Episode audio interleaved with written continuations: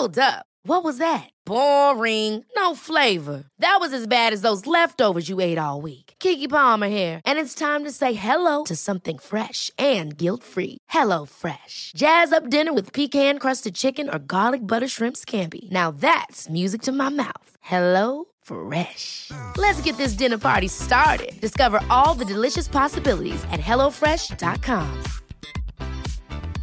A lot can happen in three years, like a chatbot may be your new best friend. But what won't change? Needing health insurance. United Healthcare Tri Term Medical Plans, underwritten by Golden Rule Insurance Company, offer flexible, budget friendly coverage that lasts nearly three years in some states. Learn more at uh1.com. Denne episoden er i samarbeid med Kreftforeningen. Som fast giver til Kreftforeningen er du med på å skape håp og forandre liv. Og det både høres ut og er en stor ting. Men det trenger ikke å være en stor sum for deg. For prisen av bare en og en halv frossenpizza i måneden kan du bidra til forskning, behandling og hjelp til livet med kreft og livet etter kreft. Bare det utgjør en forskjell. Så gjør en forskjell. En og en halv frossenpizza. Du kan selvsagt gi mer hvis du vil, og du bestemmer selv om du gir månedlig, kvartalsvis eller halvårig. Ja, det hele er kjempefleksibelt. Det viktigste er at du som fast giver bidrar til at færre skal få kreft, og at flere skal overleve. Gå inn på kreftforeningen.no giver, eller klikk på lenken i episodebeskrivelsen. Som sagt, en og en halv frossenpizza. Bli fast giver hos Kreftforeningen i dag.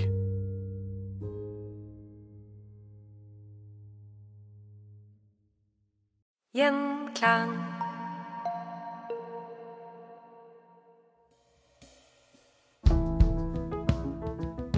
I all tid har krig ikke bare vært grobunn for død og ødeleggelse, men også for teknologiske nyvinninger.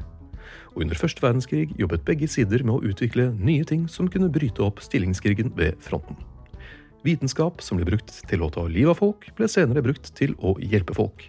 Men for sivile og soldater så ja, hjelper kanskje ikke tanken på at dette i fremtiden kanskje kan være en nyttig greie. For noe rimelig kjipt som ble testet og brukt i større skala under første verdenskrig, var stridsgass. Velkommen til Historier som endret verden. I dag, som en del av vår miniserie om den første verdenskrigen, har vi igjen besøk av Eirik Brazier. Har vi igjen besøk av Eirik Brazier. Velkommen. Takk. Hva er stridsgass, Eirik? Stridsgass er en, en, slags samlebetegnelse på ulike former for giftige eh, gasser eller andre gasser som kan slå ut fienden, rett og slett. Um, og eh, det var jo noe av det man eh, prøvde eh, å utvikle under første verdenskrig. Eh, som du sa, delvis fordi man prøver å finne noen veier gjennom den stillingskrigen som man har. Um, og for å gjøre det så mobiliserer man jo selvfølgelig det vitenskapelige miljøet i, på begge sider av fronten, både blant de allierte og hos uh, tyskerne. Og i et visst slag i 1915 så brukte tyskerne noe for første gang. Det gjorde de. Uh, I uh, slutten av april, eller nærmere bestemt 22. april 1915, så får vi slaget ved Jeper, eller Ypres, Eh, som man også kan si, i Belgia. Eh, dette er altså da det andre slaget. Eh, det blir kjempet veldig mye rundt denne byen. Så dette er det andre slaget. Og der bruker tyskerne for første gang klorgass ved fronten. Den er, eller Mannen som står bak dette store prosjektet, han heter Fritz Haber. Og var en av Tysklands ledende kjemikere. Ehm, han har da fått samlet nærmere 6000 beholdere med klorgass bak fronten eh, den kvelden eh, før slaget. Som han har eh, lina opp. Ehm, og nå personlig Han åpner jo ikke alle sammen, det rekker han ikke, men han, men han overser liksom åpningen av alle disse. For det er, en, det er ganske mye som skal klaffe for at dette skal lykkes. Eh, først og fremst, det grunnleggende, er jo at gassen faktisk beveger seg i riktig retning. Eh, man er altså avhengig av at vinden blåser mot eh, fiendens linjer. Mm. I dette tilfellet da de franske Den franske skyttergravene, eller nærmere bestemt de franske kolonitroppene fra Algerie og Marokko, som har liksom akkurat denne sektoren av fronten. Oh ja, okay. mm. Så dette vet vi. Eh, litt sånn, altså vet i detalj. Vi har, vi har faktisk en nordmann som ser dette her. Oi. Han, ja, han, han, han tjenestegjorde med de canadiske ekspedisjonsstyrkene. De ligger liksom på høyre siden av, av, av den franske styrkene. Så det han ser, er jo, som veldig mange andre også gjør, er at han ser plutselig da, sånn på ettermiddagen 22. april, så ser han den her sånn grågrønne skyen som begynner også liksom sige fra den tyske stillingene mot de franske troppene. Eh, og kort tid etterpå så blir det bare total panikk. Eh, for eh, de får ikke puste. Den, så, så det de ser, er jo eh, franske soldater som kommer løpende tilbake. Helt blå i ansiktet, og mange av dem kollapser bare. Og, og det i seg selv fører bare til enda mer panikk. Så hele, en, en stor del av frontavsnittet bryter bare helt sammen. Uh, og denne nordmannen, da, Emil Olsen, han er med på og prøver å stoppe uh, den tyske framrykningen. Fordi rett etter denne gassen så kommer jo da de tyske soldatene. Eh, og i løpet av en times tid så rykker altså tyskerne flere kilometer framover. Dette er en del av fronten som har ligget stille, så å si, siden krigen begynte. Eh, Eller i hvert fall siden den begynte å, å, å, å, måte eh, Sette seg. Sette seg liksom fast i det området. Ja. Eh, så, men, men de har jo ikke noe gass. De har jo ingen gassmasker, de har ingen utstyr. eh, i hvert fall her. Så en av de tingene de bruker, det er rett og slett å ha mm, sånne lommetørklær med vann på. Eller urin. Nice. Ja, For å ha foran ansiktet. Funket det i det hele Det funker til en viss grad. Okay. Eh, akkurat, liksom, akkurat sånn at man kanskje kan komme seg unna der hvor det er gass og sånn. Eh, og så er det jo litt det der eh, at det vi må huske på, er jo selvfølgelig at den fungerer i et visst område. Den er konsentrert i et visst område, men etter hvert så vil den jo spre seg, og så vil den få mindre og mindre virkning. Så tyskerne opplever liksom en sånn umiddelbar åpning av fronten, og så rykker de framover, og så stopper det opp igjen. Mm. Eh, men, men lidelsene som dette her fører med seg en ting er at den, eller, den tar livet av mange eh, franske soldater med en gang. Og så er det da de som selvfølgelig får eh, overlever, eh, men er ødelagte for resten av livet. Ja, hvordan påvirker det De ødelegger lunger eh, og hele pustesystemene eh, til, til soldatene. Når du har blitt eksponert for lang tid for den type klor. Den etser jo i stykker. ja. Så vi har jo Og den skaper jo Og så er det den psykologiske biten. Eh, Norsk Røde Kors-søster som sier det at hun, hun jobber på et sykehus, fransk sykehus. og hun, hun går jo på disse sengepostene hvor, hvor soldater som har vært utsatt for gassangrep, de, de, de våkner jo De, de har mareritt om natten fordi de får ikke puste. Mm. Og, øh, og de trekker med seg dette her. Både de som er reelt såret, men også de som selvfølgelig ser det og bare opplever det. Det er en helt ny form for krigføring. Ja, en, ja, Man ser det jo, av de blågrønne, men utenom det så er det en usynlig fare. Det er ikke noe Ja. du kan skyte mot, eller Nettopp. Så, eh, og så varer det noen måneder, da. Og så bruker britene det. I Cambrai. Eh, senere, senere i 1915. Eh, og så skal det sies at dette her, altså 22. april 1915, det er første gang man lykkes, da, i gåseøyne, eller om man ønsker å omtale dette som vellykket. Men altså fra et, sikkert fra et militært perspektiv så er det jo vellykket, da. Men man har jo prøvd lenge. Eh, franskmennene prøvde seg med tåregass allerede i 1914 for å stoppe den tyske framrykningen. Eh, Funket ikke? det funket ikke. Nei. Eh, fordi man trenger høy nok konsentrasjon av gassen i området for å få stoppet eh, fremrykningene. Og vind skal Og helst vind. være Ja. ja. Så den er hele tiden et problem. Vind og temperatur. Tyskerne prøver det på østfronten eh, Mm. på vinteren eller på høsten, og da er det for kaldt. Da blir gassen For de av dere som husker naturfagen bedre enn meg fra videregående. Men da blir gassen bare liggende. Den, den beveger seg ikke. Den, du må ha litt bevegelse i den òg. Okay. Hvis det er for kaldt, så, så blir den eh, ineffektiv. Ever catch yourself eating the same flavorless dinner three days in a row? Dreaming of something better? Well, HelloFresh is your guilt free dream come true, baby. It's me, Kiki Palmer. Let's wake up those taste buds with hot, juicy pecan crusted chicken or garlic butter shrimp scampi. Mm. Hello Fresh. Stop dreaming of all the delicious possibilities and dig in at HelloFresh.com. Let's get this dinner party started.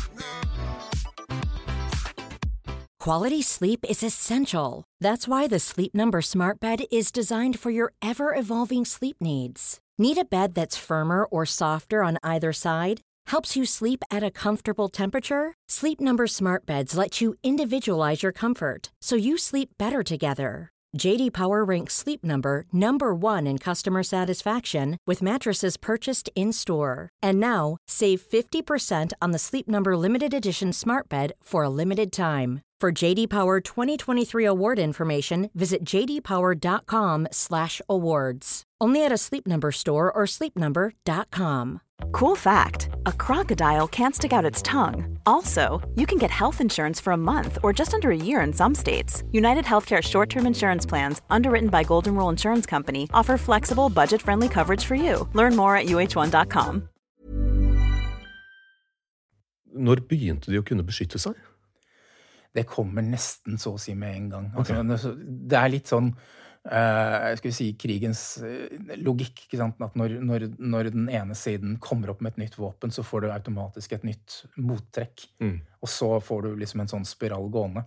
Så man begynner å få litt sånne primitive gassmasker ganske, ganske umiddelbart. Uh, men det er jo det å produsere nok av dem, da. Og ja. til alle. Både, både mennesker og dyr.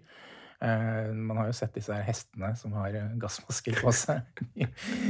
um, men det blir brukt mye. Uh, ifølge de offisielle tallene så er det altså da over 120 000 tonn med gass i ulike former. Ikke bare klorin og, og sennepsgass uh, osv. som blir produsert, men altså 120 000 tonn som blir produsert i løpet av krigen. Det er så mye, det. Ja, det er det. Men du nevnte ja, sennepsgass. Var det andre typer som hadde en annen, andre effekter? Eh, det er hovedsakelig de to, så vidt jeg vet, som man bruker. Eh, så har man kanskje noen andre avarter av det. Men eh, var det hendelser hvor, hvor vinden plutselig snudde? Det har angivelig vært Det er vært slag hvor, hvor, man har sluppet ut gassen, og så har det snudd, ja. Så det er noen Åh, det er komitime. Ja. Hvordan påvirket dette krigen? Var det Altså, som, de kommer jo med gassmasker ganske fort. Så. De kommer med gassmasker ganske fort, men, men altså Igjen, det vi vet, er jo at uh, nesten 100 000 soldater blir drept av, av kjemiske stridsvåpen som gass. 100 000? Ja. I løpet av krigen. Og, og, og, man antar at kanskje så mange som en million soldater blir såret uh, eller skadet på en eller annen form pga. Av, av, av uh, gassvåpenet. Det er veldig vanlig, eller vanlig. I en del av de tingene, en del av de soldatene jeg har sett på som, norske, som har vært norske veteraner, så i, i den amerikanske hæren så har de altså skader på lungene eh, etter gassangrep. Da, ulike former. Så etter krigen så sitter man igjen Enten så har du blitt, blitt skutt på, eller så har du problemer med lunger eller øyne eller hva enn skulle være. Ja, det er jo en av disse tingene. Altså, det er jo, man omtaler første verdenskrig ofte som en sånn industriell krig. En av de første moderne industrielle krigene. Og dette her er kanskje et av de ypperste eksemplene på nettopp det. det hvor mye den ødelegger kroppen eh, og det mentale. Etter krigen, da? Fortsatte man å å bruke gass? Man får, et, eh, man får en revisjon Eller ikke revisjon ja, altså Man får en revisjon av Haag-reglene. Mm. For det var jo egentlig som sagt ikke, det var jo egentlig ikke lov å bruke. Men, så i 1925 så får man en, en, en revisjon og et, et, totalforbud mot uh, kjemisk krigføring. Um, og det opprettholdes uh, under andre verdenskrig. Uh, utrolig nok. Ja, utrolig nok. ja. Eh, med ett unntak, som vi jo dessverre vet, og det var jo ikke krig, men altså selvfølgelig utryddelsen av jødene, brukte man jo gass. Ja. Um, og det, det, tragiske oppi hele er jo at uh, synklon B-gassen, som blir brukt i veldig mye konsentrasjonsleirene, er altså da en videreutvikling av det Fritz Haber uh, utviklet av kloringass. Uh, han var jo selv jødisk. Mm.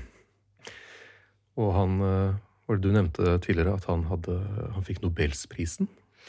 Det ble ganske mye oppstyr i Europa når Fritz Haber eh, fikk Nobelprisen i kjemi i 1918. Altså ja, Han fikk prisen for, en, eh, for, det som omtales i dag som Fritz eh, Nei, som Haber-Bosch-metoden. Som er en måte å eh, videreutvikle kunstgjødsel. Eh, for, som, altså for, oss nordmenn så er det jo Birkeland-metoden og Hydro som måtte mm. ha vært den store.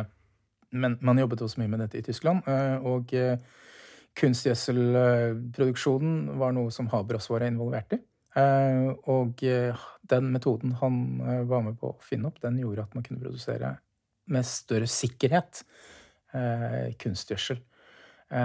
Men mange var jo naturlig nok veldig opprørt over at det var han som fikk prisen. Fordi det var jo ikke noe hemmelighet at han hadde vært eh, veldig dypt involvert i det tyske gassvåpenprogrammet under første verdenskrig. Mm. Eh, så det er jo ganske stor grad av ironi, da, at eh, mannen som på en måte var den første som slapp løs giftgassen ved fronten, ble også hyllet for å ha funnet opp eller uh, raffinert denne kunstgjødselsproduksjonen. Som jo i, i, liksom, til syvende og sist også har gitt liv til millioner av mennesker. Som har gjort at vi kan dyrke mat i en mengde som vi e-, ellers ikke kunne. Og at uh, det var en da han, en jøde, som i teorien da, eller i praksis, sto bak syklon B. Ja. Det er kjip ironi. Det er det. Ja. det, er det. Uh, skal si, uh, jeg skal ikke si til hans lettelse, men han døde også da i 1934, så han opplevde jo ikke Ja. andre verdenskrig. Heldigvis fra han, da. heldigvis fra han. Det var uh, klorgass, eller stridsgass, under første verdenskrig. Takk for denne gang, Eirik. Takk.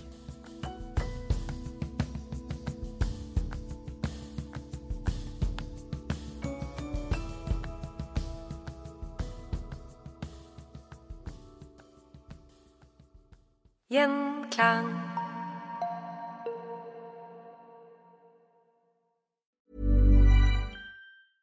Ever catch yourself eating the same flavorless dinner three days in a row? Dreaming of something better? Well, HelloFresh is your guilt free dream come true, baby. It's me, Kiki Palmer. Let's wake up those taste buds with hot, juicy pecan crusted chicken or garlic butter shrimp scampi. Mm. Hello Fresh. Stop dreaming of all the delicious possibilities and dig in at HelloFresh.com. Let's get this dinner party started.